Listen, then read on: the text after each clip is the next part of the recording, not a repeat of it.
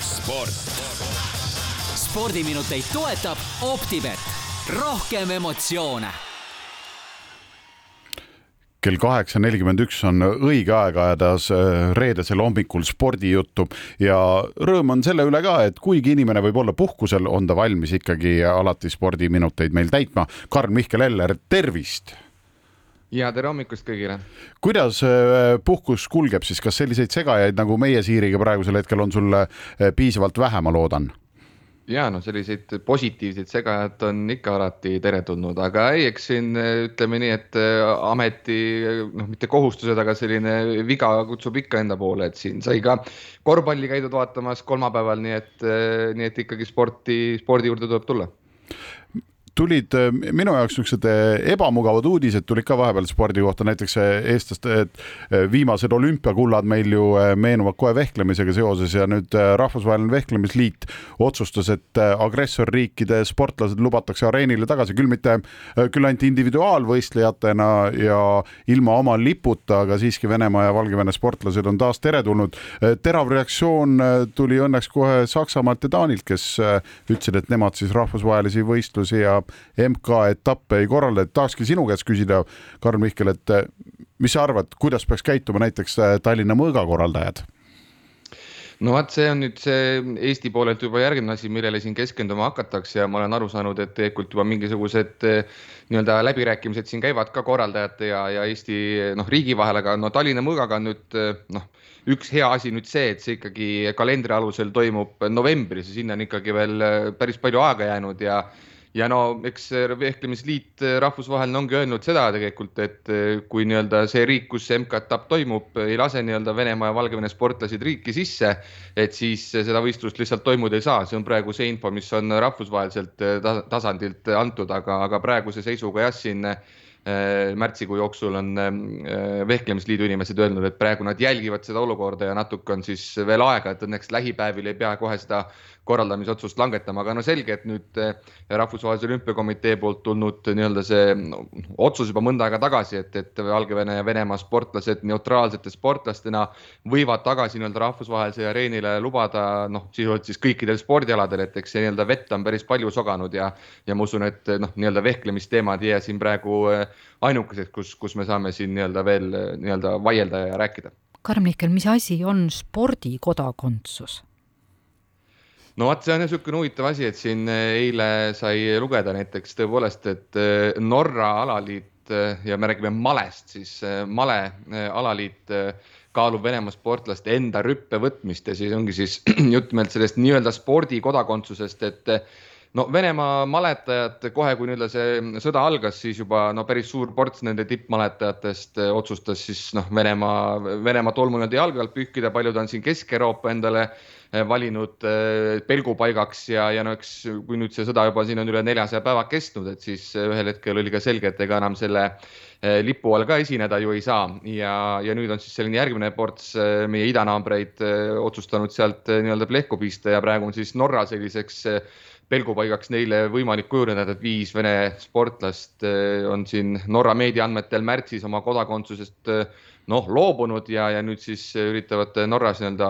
uut elu alustada siis ilmselt nii male mõistes kui ka üleüldiselt, nii et eks see selline huvitav, huvitav olukord on ja, ja noh, jällegi nagu öeldud sai, et, et male vehklemine ja nüüd siin viimane uudis oli ka, et lauatennis näiteks ütleb juba, et Venemaa ja Valgevene sportlased on nii-öelda neutraalsetena tagasi oodatud, et eks neid alaliite tuleb siin kindlasti veel juurde, kes neid otsuseid langetavad paraku. räägime positiivsematest uudistest. kolmapäeval, nagu ise ütlesid, olid ka hallis kohal Kalev Cramo tegi meile väga rõõmsa üllatuse ja tõepoolest Tondiraba jäähallis siis mängiti, nimi on nagu eksitav, et sinna ikkagi toodi korva, korralik korvpallipõrand ka kohale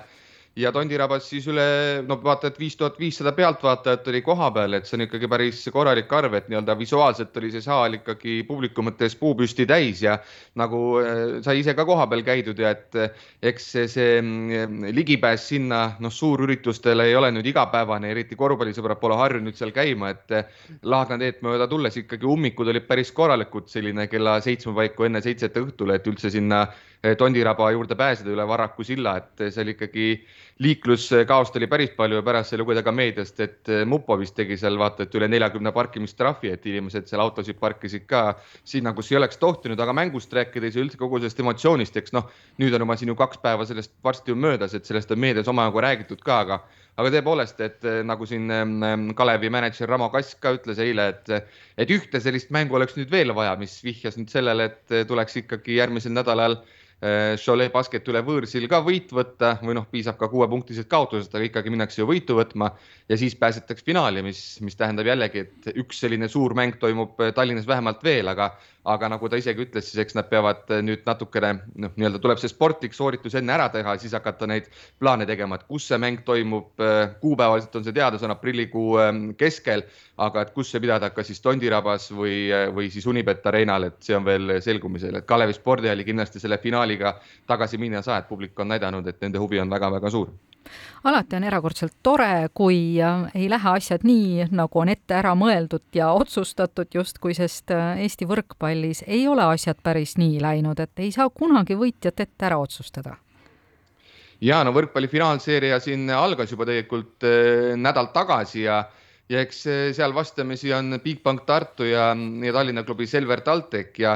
eks paljude pilgud olid ikka ju suhteliselt kindlalt suunatud sellele, et noh, nelja mänguni peetav seeria, et no ju see Tartu võtab neli-null, no võib-olla Selver võtab ühe võidu ka, aga aga võta näpust, et tegelikult on nüüd takkapihta kaks mängu peetud ja hoopis Selver TalTech on kaks-null ees ja ka tartlaste peatreener, kes vahepeal sai ka Eesti koondise peatreeneriks, Alar Rikberg on on äh, nüüd öelnud, et tema on kogu aeg rääkinud, et ei ole siin midagi nii lihtsat, et see, mis valleringkondades räägiti, et äh, Tartu on siin suur-suur favoriit, et see tegelikult pole üldse nii. ja kui vaadata ka tegelikult seda põhiturniiri tabelit, siis no Selver TalTech äh, jah, oli küll tabeli teine ja nad jäid ju ka seal ähm, ähm, Balti liiga nii-öelda Final Fourist välja. jällegi ootamatu kaotus, aga nüüd siis Eesti meistrivõistluste finaalis on neil võimalik oma ära võtta ja see finaalseeria läheb tegelikult juba pühapäeval edasi ja seda ka mm, Duo viis kannab otseülekandes üle, kohtumine siis järjekorras kolmas toimub Tartus, nii et no mingis mõttes, kui nüüd Tartu siia pöörde sisse tooks, siis näeksime üle pika ajaga võrkpalli meistrivõistlustel ühte ikkagi vaata et seitsmemängulist finaalseeriat, et see kindlasti spordisõbrale võib-olla mitte nende klubide pooli, poolehoidjatele ei sobi, aga spordisõbrale kindlasti sobib, et kui ütleme, meistritiitel ikka mängitakse välja selles kõige-kõige otsustavamas mängus, aga no sinna on veel natuke minna üks huvitav uudis äh, tuleb F1-st ja Austraaliast. nimelt suure üllatusena on stardis seal ka üks eestlane.